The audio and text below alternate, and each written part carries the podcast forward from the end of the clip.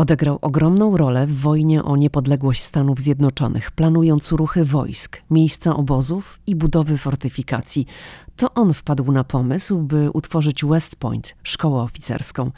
Nie dane mu było poślubić kobietę, którą kochał, ponieważ nie był wystarczająco bogaty. Wprawdzie podjął próbę ucieczki z ukochaną, ale próba skończyła się fiaskiem.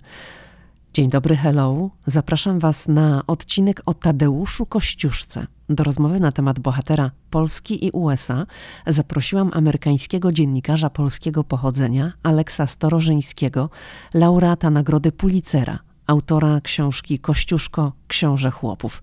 Zdecydowanie polecam. Książka jest fascynująca, między innymi dlatego, iż to historia człowieka, a nie wyłącznie bohatera. I dziś o tym człowieku, o Tadeuszu Kościuszce będziemy sobie rozmawiać.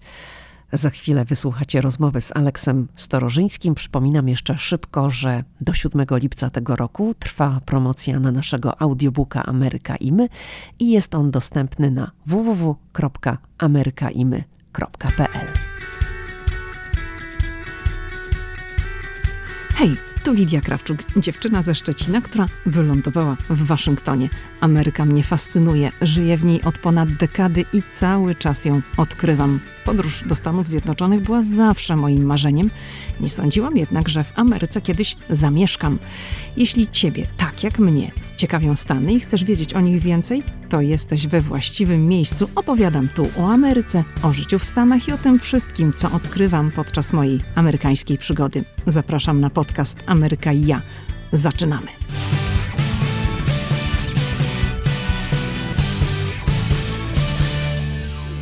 Cześć Alex, witam Cię bardzo serdecznie w moim podcaście Ameryka i ja.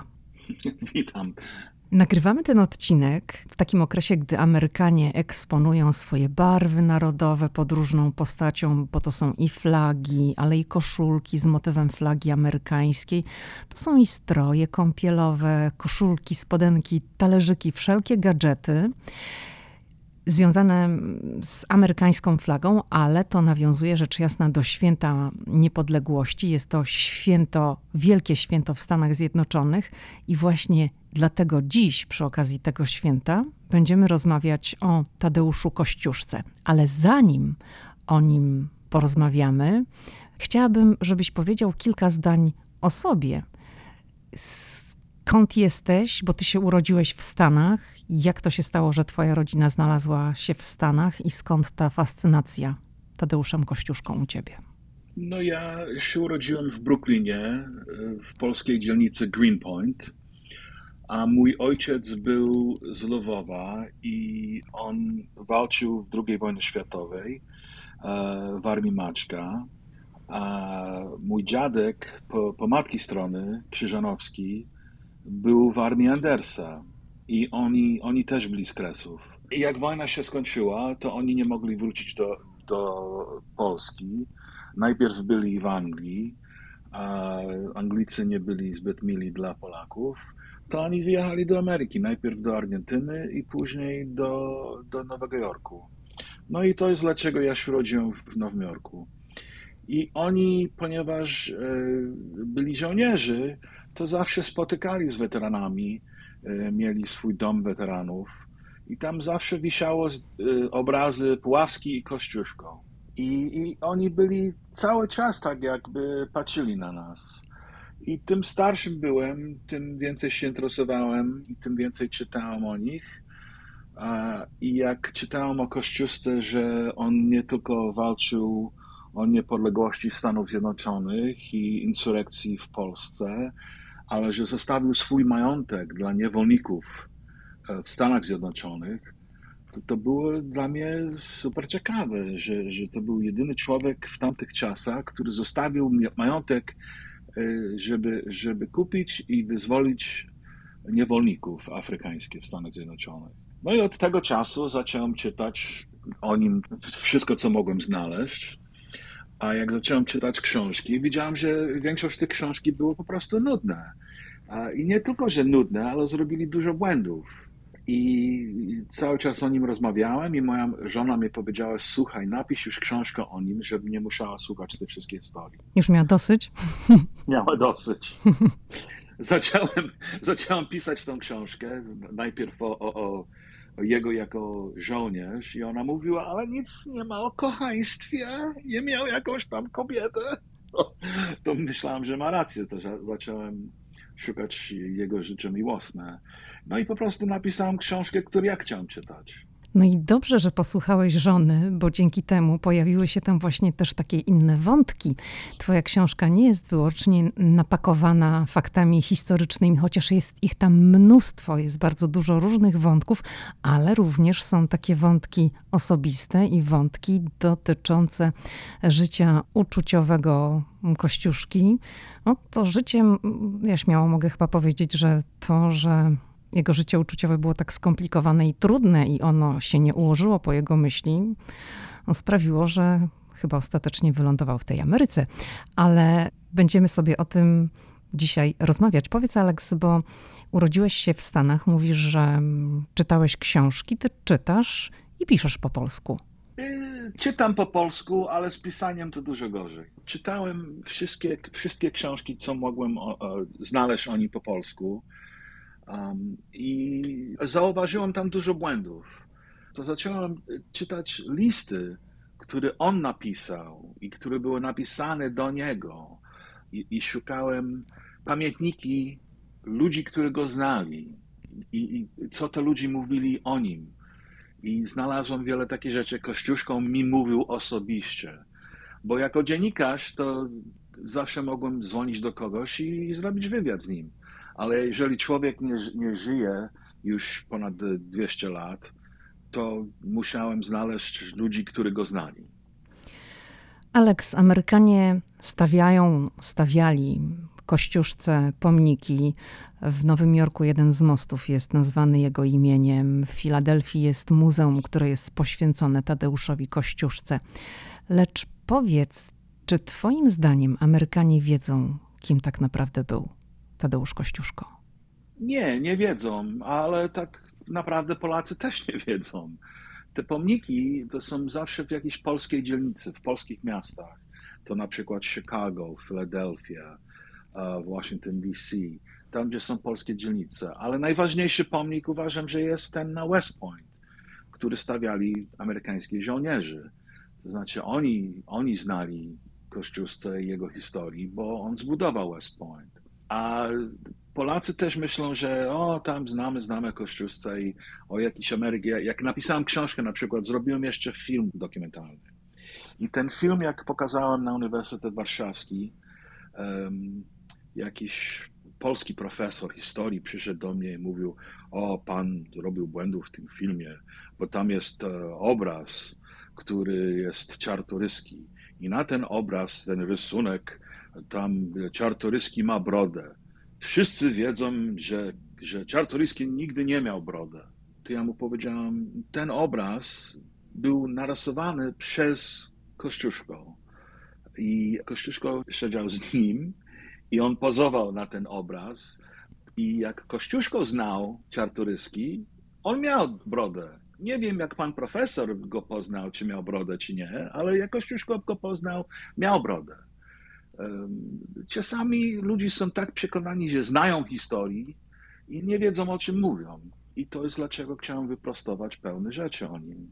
To Kościuszko też dobrze rysował. To znaczy, ja wiem, że on rysował on te wszystkie projekty takie inżynieryjne, o tym będziemy rozmawiać, ale potrafił również dobrze na przykład rysować portrety ludzi, postaci. Tak, tak, bo on, on studiował w Paryżu, w szkołę artystyczną i tam miał no, najlepszych profesorów w tamtych czasach we Francji.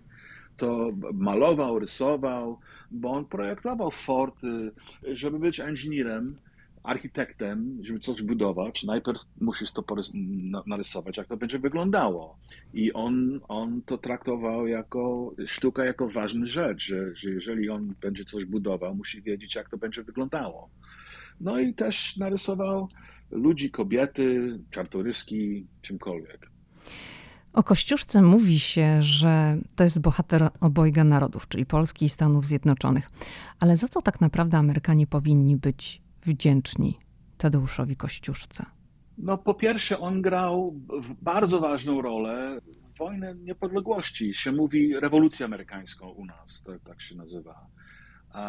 I, i, poza tym on zbudował West Point najpierw jako, jako fort, a, a to był w ogóle jego pomysł, żeby była szkoła oficerska w, w Stanach Zjednoczonych. Bo on, on e, skończył szkołę rycerska w Warszawie, e, w Polsce, tam gdzie jest Uniwersytet Warszawski, teraz jest budynek nawet, gdzie ta szkoła była. On wjechał do Francji i, i w Paryżu studiował też w szkołę wojskową i on zauważył, że, że trzeba wykształcić tych oficerów. I on, on za tym mówił Jeffersonowi cały czas, że jak mamy wojsko, to musi prowadzić ludzi, którzy są wykształceni. To było jego w ogóle pomysł, żeby stworzyć e, West Point Military Academy. Nie doczekał tego momentu, to znaczy nie doczekał tego momentu, żeby zobaczyć, że West Point stało się najważniejszą akademią wojskową w Stanach Zjednoczonych. Czyli Amerykanie powinni być wdzięczni przede wszystkim Kościuszce no, za ten udział w rewolucji amerykańskiej. Tak, tak. No ale też, że to był człowiek tolerancji.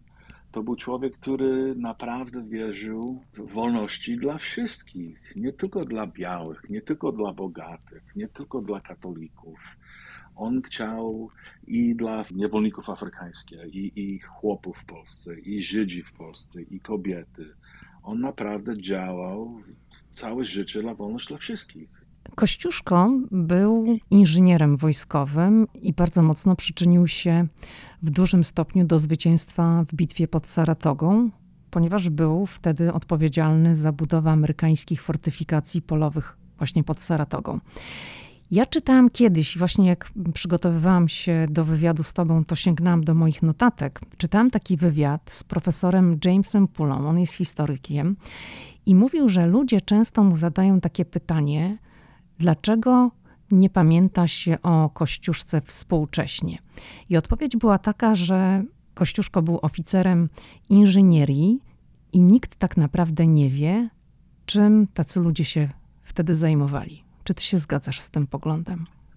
Do pewnego stopnia tak. Znam profesor Pula, bardzo, bardzo wybitny historyk, bardzo mądry. I, ale nie tylko to. Ja myślę, że po prostu sam nazwisko Kościuszko to jest nawet dla Polaków trudno powiedzieć, a dla Amerykanów jeszcze trudniej. I na przykład George Washington, jak pisał Kościuszko, to pisał to y, dziewięć różnych wiesz, nie, nie, mógł, nie potrafił napisać Kościuszko. No właśnie widziałam ale, w twojej ale, książce, że tak, to, to nazwisko było później, przekręcane wiele razy w kontekście tak, Waszyngtona. A później, a, tak, tak, a później jak go poznał i zobaczył, co buduje i zobaczył, jak działa, to wtedy nauczył się poprawnie to mówić, poprawnie to pisać i powiedział, że to jest człowiek, który musimy słuchać. A czym się zajmował taki oficer inżynierii. I, I, jakie rozwiązania właśnie Kościuszko zastosował pod Saratogą, że udało się wtedy tę bitwę wygrać? No bo to był taki przełom. No, inżynier po pierwsze jest odpowiedzialny od strategii. Mhm. Jak będziemy walczyć? Gdzie musimy stanąć? Ile ich jest? Ile nam jest? Gdzie będziemy się chować? Gdzie będziemy walczyć? Żeby zrozumieć tak naprawdę bitwę pod Saratogą, trzeba zrozumieć najpierw bitwę wyżej, w takim Fort Ticonderoga. Fort Ticonderoga jest fort w Nowym Jorku, prawie na granicy z Kanadą. A był Washington, ale też był, był um, generał Gates. I Gates i, i, Washington obu chcieli zatrudnić Kościuszko w swoich, wiesz, ekipach. E, Kościuszko jak przyjechał, jak e, lądował w, w Filadelfii, poznał Benjamin Franklin, to jest w ogóle nowe w moją książkę. Nikt nie wiedział o tym, o ich pierwszych e, spotkaniach.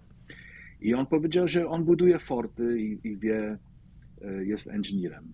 To, to Franklin go wziął do, do rzeki Delaware i powiedział: Słuchaj, tu jest nasza rzeka, tu jest nasze miasto, a my się boimy, że Anglicy dopłyną statkami tutaj i zaczną na nas strzelać.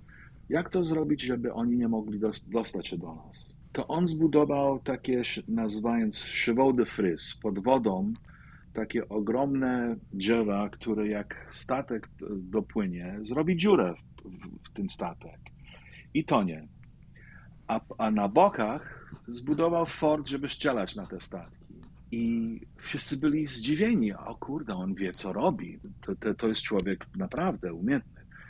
To Gates go wysłał, powiedział: Słuchaj, Anglicy teraz zobaczyli, co zbudowałeś tu, i oni w ogóle nie spróbują atakować Filadelfii teraz.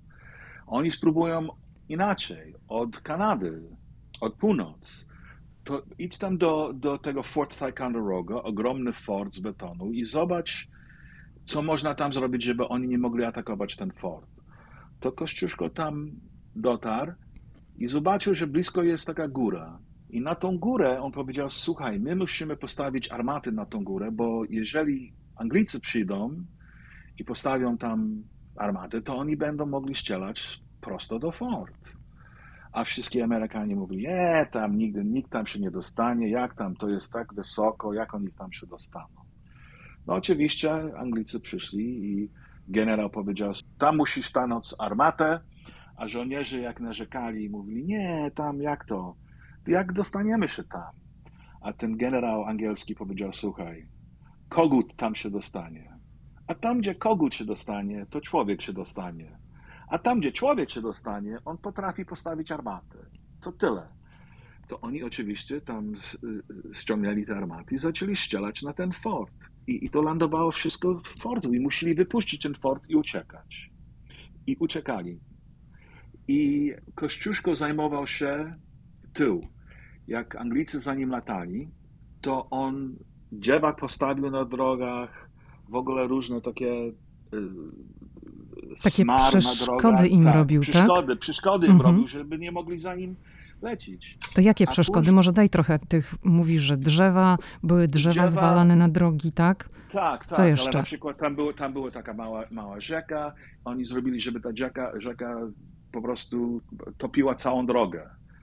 Czyli Anglicy, żeby wylewała, tak? Wylewała, tak. Anglicy mieli nie tylko konie, ale mieli swoje wagony i tam na te wagony mieli swoje jedzenie, broń, kobiety ciągali ze sobą i oni, oni po prostu nie mogli ścigać Amerykanie tak szybko, jak chcieli. I Amerykanie uciekli dzięki Kościuszko, że to zrobił, a później on dotarł do tego prawie do Saratoga i on znalazł takie miejsce Stillwater, gdzie ten generał postawił swoje żołnierzy nad wodą.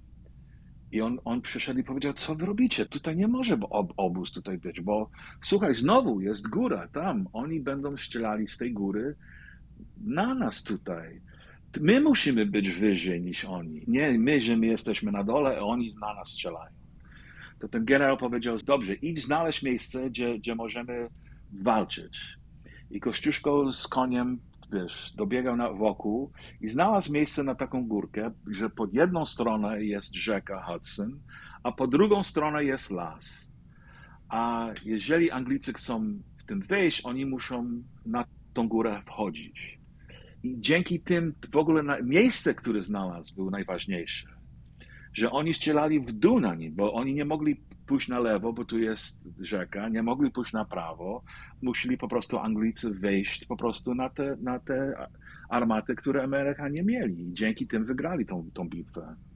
Czyli możemy powiedzieć, że Kościuszko tak współcześnie, jakbyśmy mieli porównać do tego, co się dzieje w wojsku, to był takim strategiem, takim jak generał tak, wymyśla nie, cały nie, plan.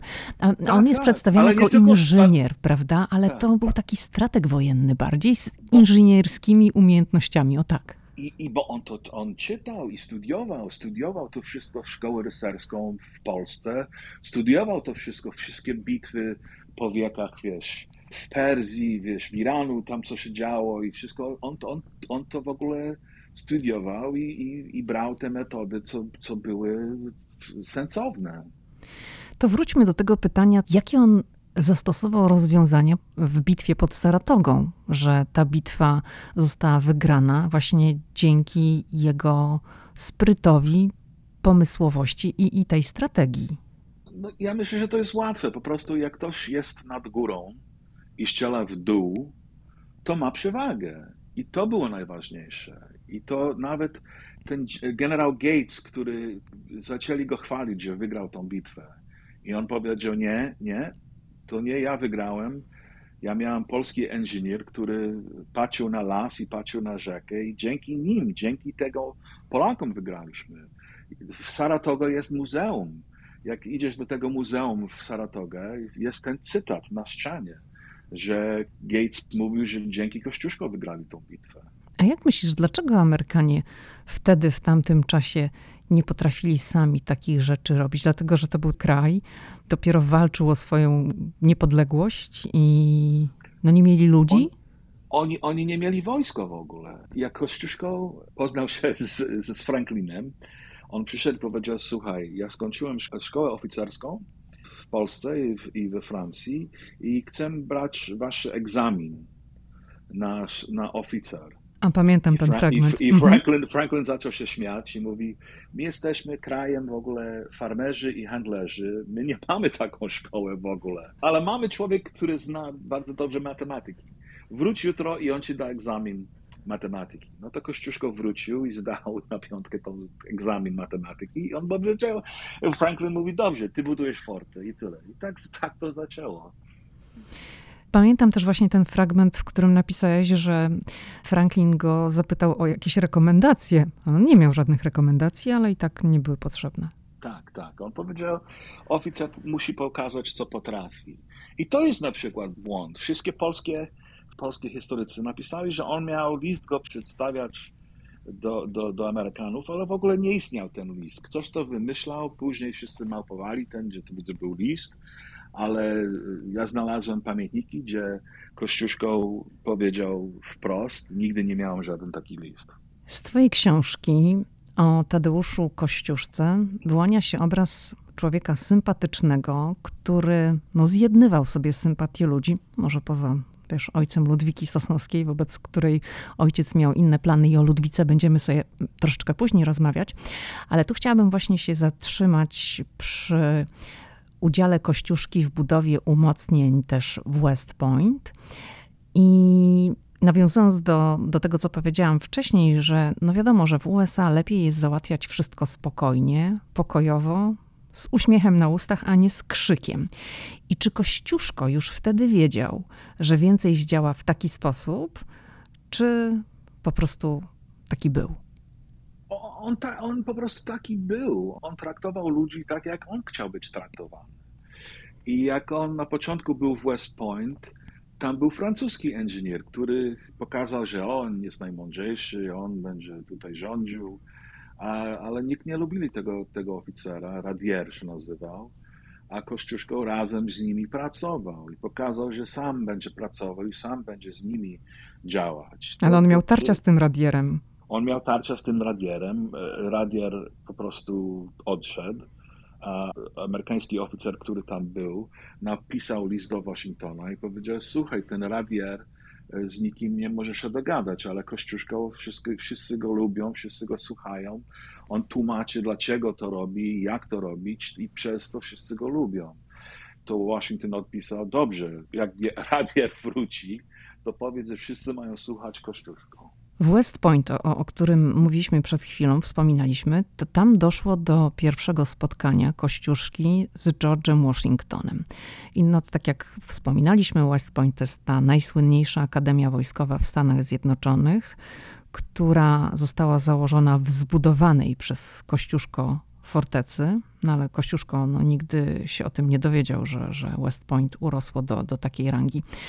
Powiedz, dlaczego Twoim zdaniem Kościuszko nie stał się jednak ulubieńcem pierwszego prezydenta George'a Washingtona, bo on z czasem zyskał jego szacunek, ale to ja przynajmniej odniosłam takie wrażenie, czytając swoją książkę, że to jednak no, nie były takie super relacje między nimi.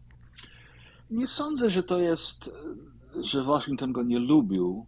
Waszyngton był w, w trudnej sytuacji, bo on bardzo potrzebował Francuzi, bo Francuzi mieli coś, co Amerykanie nie mieli.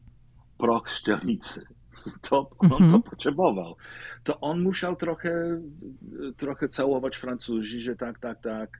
I Lafayette, że, że tak, tak, tak. My bardzo doceniamy, że, że Francja, bo, bo to było Kościuszko jeden, jeden człowiek, a po drugą stronę była Francja, cały kraj. I na przykład Lafayette, jak dotarł z koniami do, do West Point, on miał kilka konie. I na te konie mieli, miał swoje różne ubranie i swoje peruki, i różne głupoty, które żołnierz no, nie ma. A Kościuszko patrzył na te konie, mówił, słuchaj, te konie by, by nam się przydały do, do budowania tego fortu, bo jak oni jakieś drzewo tam ściągnęli do fortu, bo kto to dźwigał? Konie to dźwigali. I na początku Kościuszko i Lafayette się nie lubili, a Washington był bardzo blisko z Lafayette'em. Później się polubili, a później nawet Washington, tak jak mówiłem, powiedział, słuchaj, to jest najlepszy inżynier, który mamy i on go do, doceniał. A ja myślę, że do pewne, pewnego stopnia też Kościuszko widział, że Washington miał niewolników i dla niego to było trochę niesmaczne. No ale Jefferson też miał niewolników, a z Jeffersonem mu, mu było chyba bardziej po drodze. Tak, tak, ale Jefferson mówił po francusku. Mhm. Oni, rozma oni rozmawiali ze sobą po francusku. Washington nie mówił po francusku i oni byli w tym samym miejscu później w Filadelfii. I tam się polubili w tym Filadelfii. Ale to nie jest, że Washington go nie lubił, bo później, jak następny raz, jak po wojnie Kościuszko wrócił do Stanów, Washington go nawet zaprosił do, do siebie, do Mount Vernon. E, to znaczy, że on go doceniał jako, jako żołnierz, ale o tym niewolnictwem to, to nie mogli się dogadać.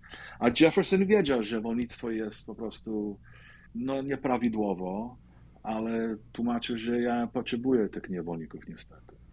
Do tego wątku związanego z niewolnikami to będę chciała jeszcze nawiązać w naszej rozmowie, ale chciałabym się zatrzymać właśnie przy tej kwestii języka angielskiego. Bo tak jak wspomniałeś, z Jeffersonem Kościuszko rozmawiał po francusku. Angielski Kościuszki, ja tak z twojej książki wywnioskowałam, nie był jakiś super świetny, i czy uważasz, że on by zrobił jeszcze może większą karierę, byłby bardziej doceniany, byłby bardziej może zaangażowany w wojnę, gdyby jego angielski był lepszy? No na pewno, na pewno. Jak, jak jesteś w wojsku i nie, nie mówisz w języku twoich żołnierzy, to jest przeszkoda. Ale on przez te 8 lat, co tu był, to tym lepiej mówił. Pierwszy rok po francusku, ale, ale widać, że jego listy Y, które pisze, to są coraz lepsze po angielsku, coraz więcej się dogada coraz więcej mówi. To mi utkwiło w pamięci, że ten francuski był takim głównym językiem i się zastanawiałam, jak ta jego językowa zdolność się tutaj rozwijała w Stanach. Tak, tak, bo on mieszkał z, z żołnierzami i od nich się nauczył angielski, ale to trochę trwało. I, I na to na pewno było przeszkoda na początku. Dobrze, to chciałabym, żebyśmy teraz porozmawiali o tym wątku Dzięki twojej żonie wątek dotyczący życia uczuciowego Kościuszki pojawił się w książce Kościuszko i kobiety. Ludwika Sosnowska. Wielka miłość Tadeusza Kościuszki, miłość niespełniona. To Aleks, opowiedz, jak to było z tym porwaniem Ludwiki i, i skąd wiemy, że on ją kochał do końca życia?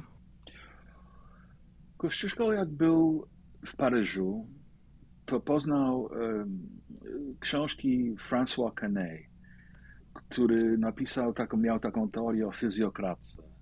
I fizjokracji było, że całe bogactwo przychodzi od ziemi. Jak ktoś ma ziemi, to jest bogaty. Ale dlaczego ta, ta ziemia jest taka ważna? Bo farmerzy, chłopi na nim pracują i robią z tego coś.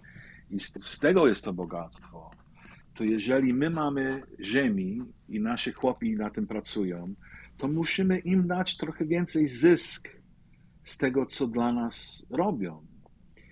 I tą fizjokrację, jak wrócił do Polski, zaczął o tym mówić, że słuchaj, to jest ważne, my źle traktujemy chłopów, to pańszczyzna jest po prostu błąd i, i to było dla niego bardzo ważne. I on był zatrudniony przez ten Sosnowski, e, żeby, żeby być nauczycielem jego córki. A ta Ludwiga Sosnowska, jak Kościuszko zaczął mówić o fizjokracji, ona powiedziała, słuchaj, nie mów mi o tej fizjokracji, bo jak ty byłeś w Paryżu i zrobiłeś swoje rysunki i malarstwo, ja i moja siostra tłumaczyliśmy pierwszą książkę o fizjokracji z francuskim na polskim. To bardzo znamy, dobrze znamy tą teorię. To on się zakochał w niej od razu, bo to ona czuła tak samo jak on, że pańszczyzna jest błąd i że chłopi powinno być wolni I, I przez to się zakochali, że mieli takie same poglądy polityczne. No i, i, i chcieli się pobrać, a, a Sosnowski nie zgadzał się na to, bo Ojciec, on, tak? Mhm. Ojciec, tak, bo, bo Kościuszko nie był bogaty. Dla szlachty to najważniejsze było, jaki będzie mąż miał, no ile ziemi będzie miał. I to powiedział, że nie, że nie zgadza się na to. I oni spróbowali ucieknąć, żeby się pobrać razem, a, a Sosnowski ich złapał i w ogóle chciał kara śmierć dla Kościuszki.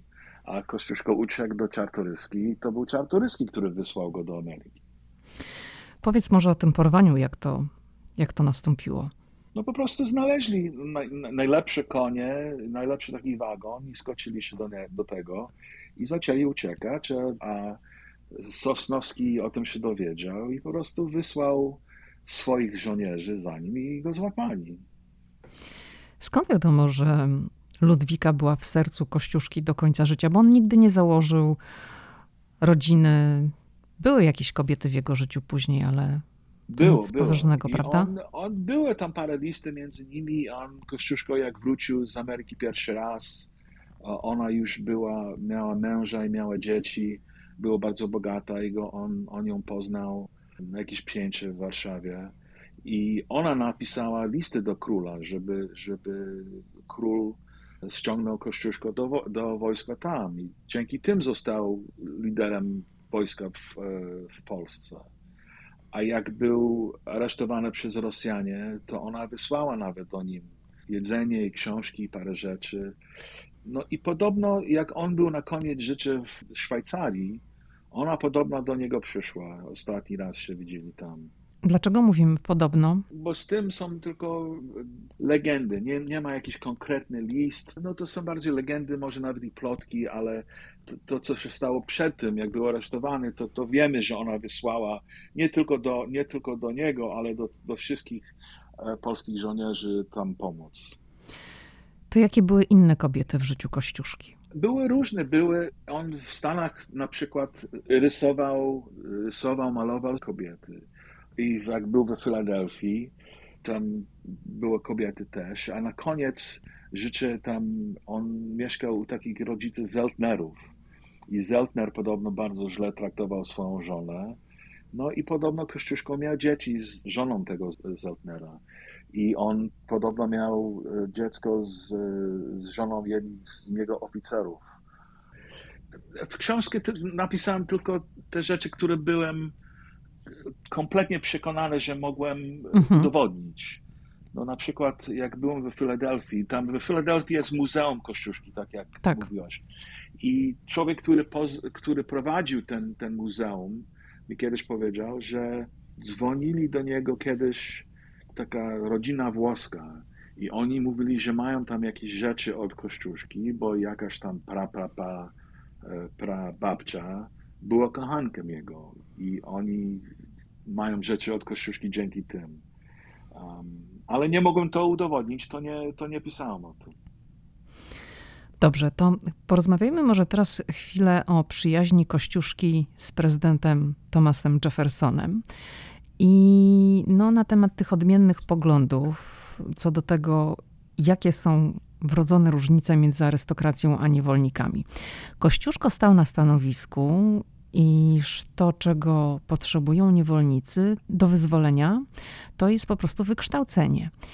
Powiedz, dlaczego Kościuszko tak bardzo przejmował się losem niewolników. To znaczy, to ma swoje korzenie w, w polskich chłopach pańszczyźnianych, nad losem których Kościuszko ubolewał, lecz dlaczego tak bardzo pochylał się nad losem zniewolonych Afrykanów? Bo on, jak w Stanach był, to Jefferson napisał o all men are created equal. Każdy człowiek jest y, y, stworzony również. I Kościuszko, jak zauważył, jak oni traktują tych niewolników, to był w szoku. I nie tylko, nie tylko że są niewolników, ale że i, i że Jefferson ma niewolników, bo on był w, w Virginii, zobaczył to. Kościuszko był wojskiem 8 lat i nigdy nie mogli go zapłacić za to. na początku, bo to jeszcze nawet nie był kraj, nie było podatki, nie było pieniędzy, nie było y, jak zapłacić tych żołnierzy. Oni mówili, byli winien 12 tysięcy dolarów najpierw, później 15 tysięcy. To on powiedział Jeffersonowi, słuchaj, weź te 15 tysięcy, te bony i zainwestuj. Jak będziesz mógł już sprzedać te bony, to kup dla mnie niewolników, kup dla nich ziemi i kup dla nich krowy i sprzęty farmerskie, żeby oni mogli żyć tutaj i żeby nie byli zależni na kogoś, żeby oni mogli sami zarobić na to, na swoje życie. I on zostawił ten majątek Jeffersonowi. To była jego wola, tak? No bo to był testament to był, to taki. Był, to był testament, tak. Tak. tak. No i, i, Jefferson to nie zrobił. Po prostu on, on się bawił, nawet najpierw pożyczył trochę pieniędzy od tego majątek, oddał te pieniądze i Jefferson miał sąsiedzi, którzy też mieli niewolników. To, te sąsiedzi byli jego najbliższych znajomych i on będzie mówił, że o, to niewolnictwo jest nieprawidłowo, to, to dla niego było w jego klasie, w jego, wiesz, arystokracja, to było niemożliwe, żeby po prostu dać wolności dla niewolników. Czyli uporządkujmy, czyli Kościuszko zostawił swój testament, bo nigdy sam fizycznie nigdy nie dostał tych pieniędzy za no, swoją pracę na rzecz Stanów Zjednoczonych. Tak? To 12 tysięcy, 15 tysięcy dolarów to było ówczesne 15, tak? Czy to jakby tak, było na w tamtych, tamtych czasach. Jak myślisz, ile to mogłoby być współcześnie? O, no, trudno powiedzieć, ale nie tylko dali mu pieniądze, ale dali mu 500 akrów na przykład ziemi w Ohio, w stanie Ohio. On nawet nie, nigdy nie zobaczył tej ziemi. To, to była duża suma, to nie była jakaś mała suma. Um, Czyli to było gdzieś kilkaset być... tysięcy dolarów współcześnie, czy może nawet tak, więcej niż milion? Mo, mo, może nawet więcej, może nawet więcej. Mhm. Jeżeli sama ziemia 500 akrów teraz, to, to jest no tak. miliony.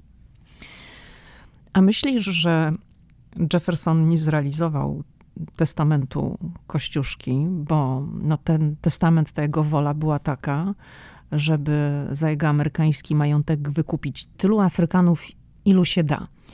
Czyli uważasz, że to Jeffersonowi było nie na rękę właśnie dlatego, że on sam miał niewolników. Przecież Jefferson miał dzieci ze swoją ulubioną niewolnicą, tak, z sali.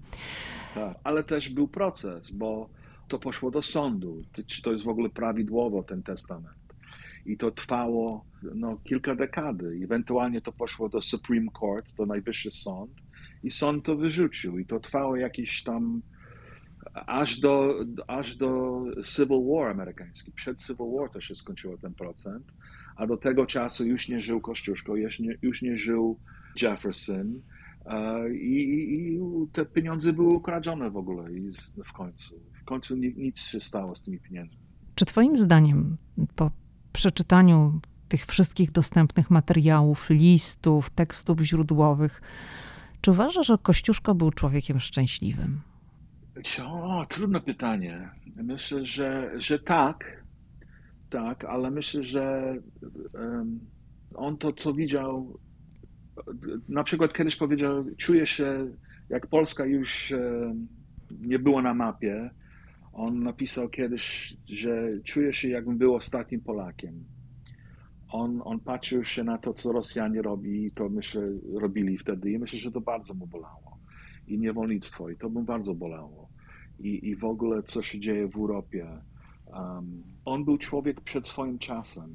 To myślę, że te wszystkie no, hamskie rzeczy, co się działy w tamtych czasach, to mu bardzo bolało. Ale powiedziałeś, że myślisz, że był szczęśliwy ogólnie. Myślę, że ogólnie tak, bo czytasz niektóre listy, tam są, są dowcipy, jak pisze do swoich żołnierzów, tam no, bardzo takie barwne i, i um, no, śmieszne rzeczy pisali do siebie. To daj jakiś przykład. no, na przykład jeden z jego żołnierzy, który znał w Ameryce, miał zostać żonaty i dla, robili dla niego e, wieczór kawalerski. I Kościuszko nie mógł na ten wieczór pojechać. I on wiedział, jakby będzie wyglądał ten wieczór. I że pójdą, wiesz, do, na miasta, na kobiety. I na przykład żartował, żebyś nic nie złapał, żadną chorobę weneryczną, jak, jak pójdziesz na tą zabawę. Um, i tak się wygłupiali to ze sobą. To jest jeden przykład. No ja pamiętam też, czytając twoją książkę, to on udzielał porady takiej sercowej swojemu przyjacielowi. To był Williams, zdaje się. I tak. Tam było napisane, że no też miał problem z rodzicami swojej wybranki, którzy się nie zgadzali na ten ślub i Kościuszko mu radził, ja bym się ożenił, a potem bym błagał o wybaczenie. Tak, tak. Czyli tak postawić przed faktem dokonanym. Tak, tak, jak on próbował. Dlaczego nikt tak naprawdę nie nakręcił filmu o Kościuszce? Polacy, Amerykanie, bo no jego życie, z tego co opowiadasz, z tego co napisałeś w książce, no to jest przecież scenariusz na taki hollywoodzki hit. No i to jest dlaczego zrobiłem film dokumentalny, bo to, do, do, tego zmierzam. To ja zacząłem pracować na y, scenariusz, który mam połowę napisane, ale mam kilka, to jest jeden z kilku projektów, na którym pracuję. Ale nie zapomnijmy, że, że filmy to, to jest po prostu biznes. Um, a co, co idzie w kinach teraz? Na co ludzie idą? No idą na jakieś fabularne, yy, wiesz, że, że z kosmosu, wiesz, wojna i to, to po prostu filmy, rzadko, że są dobre filmy teraz ostatnio. Są po prostu filmy, które młodzieży chcą zobaczyć jakąś akcję. No ale o Kościuszce, no to można by było zrobić taki hollywoodzki film w stylu Braveheart. Pamiętasz, z Melem Gibsonem. Tak, tak, tak, tak. To przecież tutaj no, historia jest, to można było dokładnie to samo zrobić, nie? To jest nawet lepsze niż Braveheart, uważam. Tylko, że to, to zrobić film to jest duża kasy, to jest, wiesz, milion, milionów dolarów, żeby kręcić taki film.